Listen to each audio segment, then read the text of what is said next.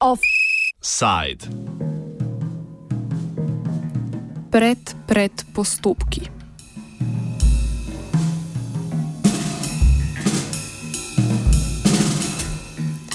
Na sodišču Evropske unije v Luksemburgu je potekala razprava v primeru, ki ga je nanj naslovilo slovensko vrhovno sodišče. Gre za primer sirskega begunca, ki je v okviru humanitarnega koridorja, ki je trajal od konca poletja 2015 do začetka leta 2016, prišel v Slovenijo in pri nas zaprosil za azil. Slovenska sodišča so obravnavo prošnje za azil zavračala, čež da je v skladu z Dublinsko uredbo za njo odgovorna Hrvaška, saj je to država, v kateri je vstopil v Evropsko unijo. Sirski državljan svoj primer gradi na dejstvu, da so ga ob prehodu državne meje med Srbijo in Hrvaško ter kasneje meje s Slovenijo spremljali državni organi in da zato prehod meje ni bil nezakonit.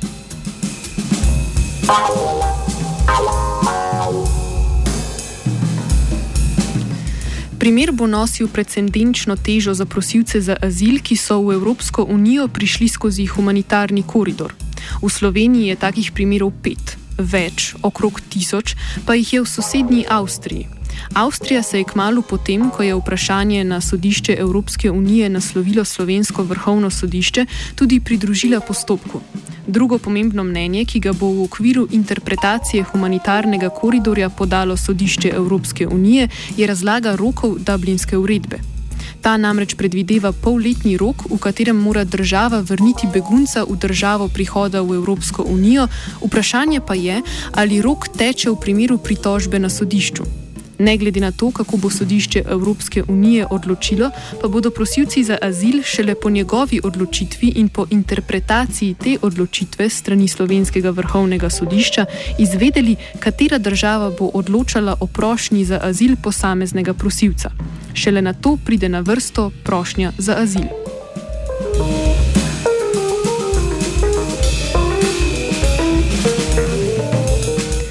Primer prosilca za azil, ki je postopek sprožil, pojasni pravnica Polona Mozetič.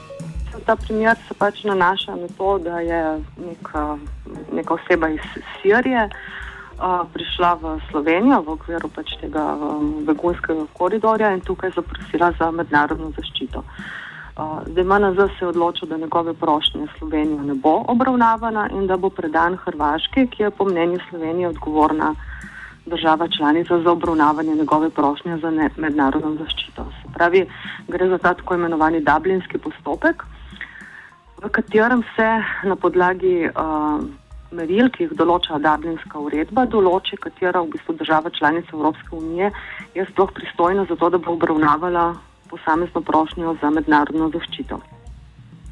Zdaj, eno od teh meril je tudi, da je za obravnavanje določene prošnje odgovorna tista država članica, v kateri je prosilec uh, ob, ob svojem prihodu ne, iz neke tretje države, se pravi iz države, ki ni članica Evropske unije, vstopil z nekim nezakonitim prečkanjem njene meje.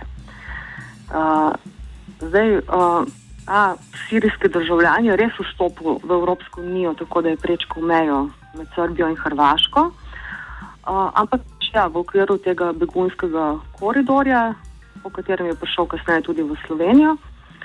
Uh, za ta begunski balkanski koridor je bil sicer pač nek edinstven pojav, uh, ampak dejstvo je, da so takrat nekatere države, ki so pač ob tej begunski poti za nekaj mesecev odstopile od sicer veljavnih pravil prehajanja med državnih meja. Uh, da je bil ta koridor organiziran so strani držav, nadzorovan njihovih, z njihove strani.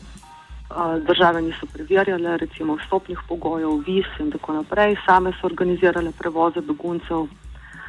In zaradi tega se je pa zastavilo vprašanje, ali je njegov prehod meje med Srbijo in Hrvaško v resnici ta nezakonit prehod, ali pa gre za zakonit prehod uh, in bi bila v tem primeru potem Slovenija pristojna tudi za obravnavanje prošnje. Pravni interes v postopku je izkazala tudi Avstrija, saj je tam podobnih primerov mnogo več kot v Sloveniji. Ani Knap iz organizacije Azil Koordinacion nam je povedala, da uradne številke niso znane, saj jih avstrijsko notranje ministerstvo ni javno objavilo. Po informacijah, dostopnih iz slovenskih medijev, pa naj bi jih bilo okrog 1200. Knap poda komentar postopka. It was the question whether uh, asylum seekers entered the uh, European Union legal or illegal when they uh, came in 2015 and uh, they were passed through and helped to uh, uh, pass the, the, the, countries and, and traveled through countries because they wanted to reach Austria or Germany or other Nordic countries. So um, it is the argument that um, uh, the Dublin system um, sees the responsibility of a country that uh, does not prevent an asylum seeker from illegally entering uh, the territory of the European Union. Um, this was one um, criteria of the Dublin regulation that Austria applied um, for refugees from uh, Syria or Afghanistan or other countries. Um, although these people uh, have been helped to pass Croatia and to, to enter the country, the police or other security forces help them uh, organize buses or trains. So um, it was questionable uh, whether um, this criteria of illegal entry uh, really applies or uh, if the uh, uh, entrance, this first entry into the European Union was permitted and therefore not illegal. Slovenski pravni zastopnik sirskega državljana Miha Nabergoj je bil po obravnavi v Luksemburgu optimističen. Zanimivo je tudi mnenje, ki ga je podal pravni zastopnik avstrijske vlade in sicer, da so bili prehodi meje zakoniti, nadaljuje Knap. And it was uh, really astonishing that uh, even uh, the representative of the Austrian government uh, claimed that, uh, in his view, uh, the entrance of the people during the so-called Balkan crisis or Balkan Trail was legal and not illegal. So it will be interesting to uh, get the opinion of, of the uh, judges. Um, um, unfortunately, we will have to be a little bit patient because the result will only be uh, published in, in July, uh, as far as I uh, am informed. Če je avstrijski pravni zastopnik v konkretnem primeru humanitarnega koridorja zastopal stališče, da so bili prehodi meje legalni, pa to razumljivo ne velja za prehode po zaprtju koridorja. V tem primeru so pomembni roki, ki jih predvideva Dublinska uredba. Zaradi dolgotrajnosti sodnih postopkov bo verjetno prišlo do tega, da bo prošnje za azil tudi v tem primeru obravnavala Avstrija in ne Hrvaška. Knap.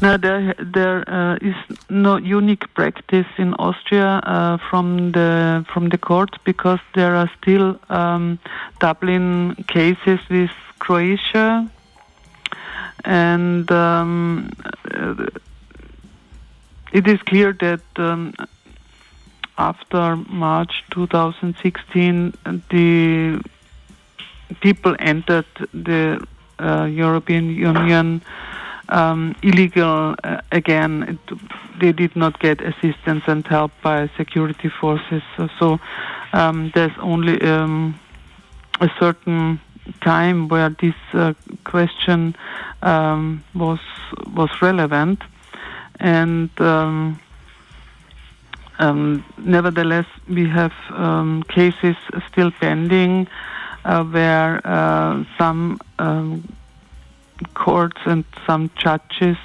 um, disregard that there are uh, an unsolved question pending at the European Court and that they dismiss the applications and say, okay, there was an um, criteria of uh, illegal entry.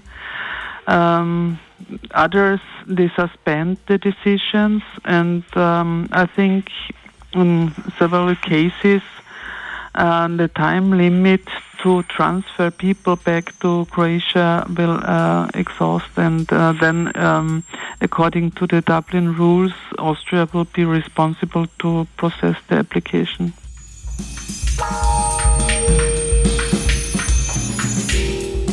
Drugo pomembno pravno mnenje, ki bo izšlo iz primera, pa se nanaša na obravnavane roke, ki jih predvideva Dublinska uredba. Mozetič. Mislim, pomembno se meni zdi tudi to, ker uh, pač Vrhovno sodišče Republike Slovenije, ki je zastavilo to preliminarno vprašanje, ne sodišče Evropske unije, je uh, med drugim spraševalo, uh, eno od vprašanj se nanaša tudi na tek teh rokov, znotraj Dublinske uredbe.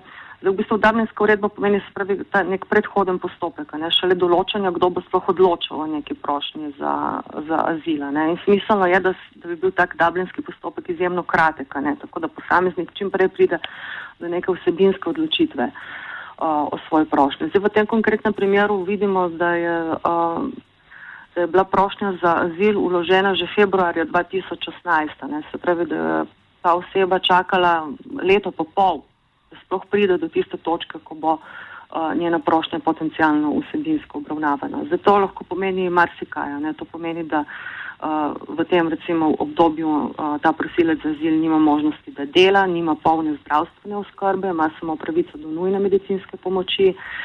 Um, Pri tej pač prav konkretni osebi, a ne gre tudi za to, da gre za starejšega človeka, ki ima v Siriji še mladoletno hči, ki pa bo ravno v tem umestnem času postala polnoletna. Uh, kar pomeni, uh, da bo takrat, ko bo recimo potencialno dobil status begunca, veliko težje uh, zagotovil združitev z družino, z njo, ne, ker bo že polnoletno. Pravi, v bistvu tak, taki procesi imajo lahko zelo, zelo različne uh, učinke ne, na različne sfere življenja posameznikov, v glavnem negativne.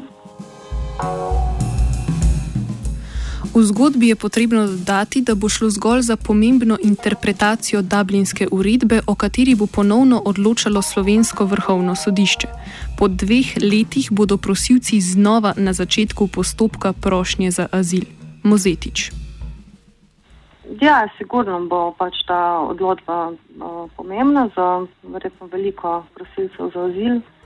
Je pa pač treba povdariti, da uh, Ne, v tem konkretnem primeru bo recimo, mislim, gre za to, da pač sodišče Evropske unije tukaj zgolj poda neko interpreta, svojo interpretacijo ne, Dublinske uredbe. Še vedno so potem države, recimo sodišča nacionalnih držav oziroma organi, ne, tisti, ki morajo to interpretacijo uporabiti v konkretnih primerjih.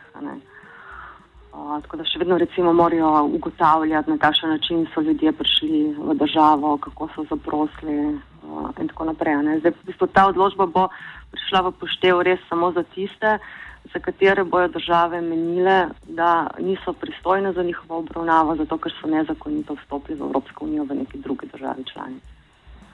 So pa pač v Dublinski uredbi še druga merila, ne, po katerih se presoja, katera država je pristojna. Ni to edino, niti ni to prvo merilo, ne, ni primarno.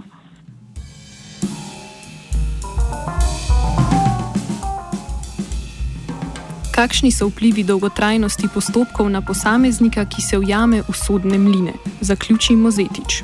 Že pač v tem konkretnem primeru tudi pač sodišče samo piše, ne, da gre za posameznika, ki bi recimo potreboval uh, operacijo, ki je zelo slabega zdravstvenega stanja. Uh, ne, se pravi, potreboval bi nekaj veliko več, ne, kot zgolj to nujno medicinsko pomoč, ki jo dobi prosilec za azil ampak pač tega ne bo dobil, dokler ne bo razrešen in njegov dublinski postopek in potem še odločanje o njegovi prošnji za azil. Zdaj, če so ti postopki uh, trajajo recimo lahko dve, tri leta, ne, to seveda pač vpliva na tak način, da odvrača ljudi od tega, da ostanejo tukaj, ne, kar je verjetno tudi namena.